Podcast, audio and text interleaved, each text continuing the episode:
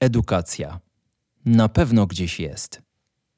W trakcie przerwy pandemicznej w połowie 2020 roku, kiedy zaczęliśmy się ponownie w miarę normalnie spotykać, odbyłem rozmowę z prezesem pewnej firmy handlowo-produkcyjnej. 20 lat stuknęło. Pasmo sukcesów. Medale i dyplomy na ścianie w gabinecie prezesa. Pandemia nie doskwiera za bardzo. No, wydawałoby się idealnie. To po co chce ze mną rozmawiać? Ktoś, nie wiem kto, polecił mnie jako człowieka, który coś tam o sprzedaży słyszał i że można ze mną otwarcie rozmawiać. No to rozmawiamy. Gabinety prezesów są zawsze wyjątkowe. Odpowiadają charakterowi wodza, są indywidualne i oryginalne. Mają jednak też tak zwane części wspólne. Takim powtarzającym się elementem jest biblioteczka lub regał z książkami, publikacjami. Coś w tym jest, że wiele osób ma takie regały w biurach, najczęściej za plecami lub blisko biurka. W książkach jest wiedza, więc musi być pod ręką. W czasach pandemiczno-covidowych regaliki z książkami są ulubionym tłem spotkań online, nie tylko prezesów. Jak ktoś ma książki za plecami, to musi być na właściwym poziomie. I taki regał miał mój rozmówca. Duży i ciężki, lekko licząc 50 kg książek za nim stało.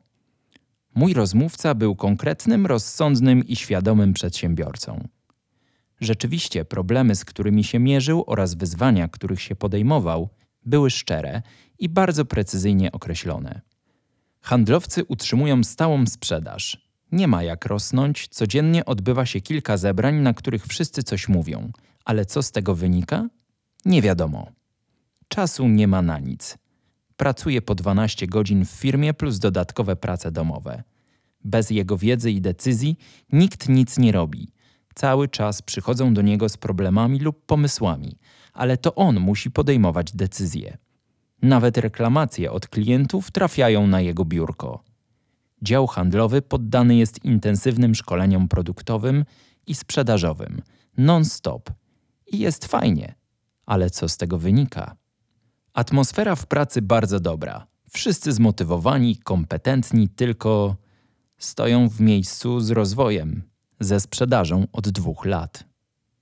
Mówił z pasją o firmie, o dokonaniach i jednocześnie świadomy był faktu, że niby wszystko gra, ale nie gra.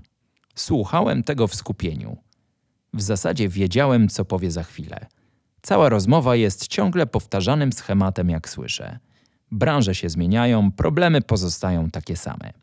Różnica w tym przypadku polegała na tym, że prezes wiedział, co mu nie wychodzi.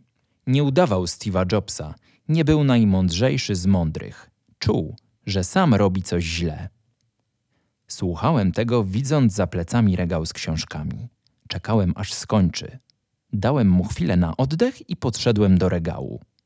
Znajdowały się tam książki dające teoretyczne rozwiązania na wszystkie jego boleści. Niektóre pozycje to bestsellery, napisane przez wybitnych ludzi. O zarządzaniu sprzedażą, o motywowaniu handlowców, o efektywności sprzedażowej znalazłem trzy książki. Minimum 4 kg wiedzy. Położyłem jeden stosik na jego biurku. Techniki sprzedaży, skuteczna sprzedaż, metody, zasady, dobre praktyki, pięć bardzo ciekawych pozycji, 5 kg wiedzy co najmniej. O zarządzaniu sobą w czasie, o koncentracji, o delegowaniu zadań, o zarządzaniu. 8 pozycji, 10 kg wiedzy minimum. Patrzył na to ze zdumieniem. Nie odzywaliśmy się wcale. Po kolei brałem do ręki każdą książkę z trzech stosików. Fakt, niektóre nosiły znamiona używania, czyli przeczytał. Tak myślałem. Okazało się, że nie on czytał. Dawał pracownikom do przeczytania. Większość nieużywana dumnie prezentowała się na regale. Po kilku minutach ciszy dodał jeszcze coś. Powiedział mi, ile wydał pieniędzy na szkolenia, treningi, kursy dla kadry zarządzającej, dla handlowców, plus ile na siebie. Na sesje coachingowe, mentorskie oraz kilkumiesięczny kurs prestiżowej organizacji szkoleniowej w Polsce, zakończony przepięknym certyfikatem wiszącym dumnie na ścianie. Kosztował mniej więcej tyle, ile średniej klasy samochód kompaktowy. zapanowała grobowa cisza. W sprzedaży, w negocjacjach ważna jest umiejętność zadawania pytań, wiedząc, jaka będzie odpowiedź. Pytania te zadaję tylko po to, aby usłyszeć to, co odpowie rozmówca, aby on to sam powiedział. Zapytałem, dlaczego nie czyta dobrych książek o zarządzaniu sobą w czasie. Bo nie mam czasu, odpowiedział. Handlowcy, z którymi rozmawiałem, potwierdzali, że podoba im się ta praca, że firma dba o edukację pracowników, że szkolenia są i są fajne, ciekawe i że czytają też fachowe książki, poradniki. Ale to nie do końca dla nich. Specyfika ich pracy jest inna. Rzadko sprawdzają się opisywane metody. Może w Stanach, może w innych branżach, to tak. Ich klienci są specyficzni, inni jacyś i tak dalej, i tak dalej. W sumie szef sprzedaży powiedział najważniejszą rzecz. Wiesz, te szkolenia i te książki to trochę tak, jakby obejrzeć nawet dobry film w kinie. To świetny film, fantastyczni aktorzy i fabuła, ale wiesz, to tylko film. W życiu nie ma supermenów. W codziennej pracy z klientami tak się nie da. Staramy się, ale wszystkie teorie zawarte na warsztatach i książkach są jakieś takie dalekie od nas. Co jest teoretyczne, pozostaje teoretyczne w praktyce. Dlaczego tak powiedział? Dlaczego prezes kupił kilkadziesiąt kilogramów wiedzy, której nie jest w stanie użyć?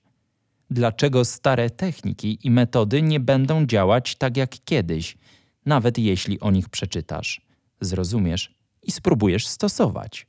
O tym między innymi jest ta książka. I co? Ciekawe? Chcesz więcej? Kliknij kup teraz, a za 10 minut książka znajdzie się na Twoim mailu.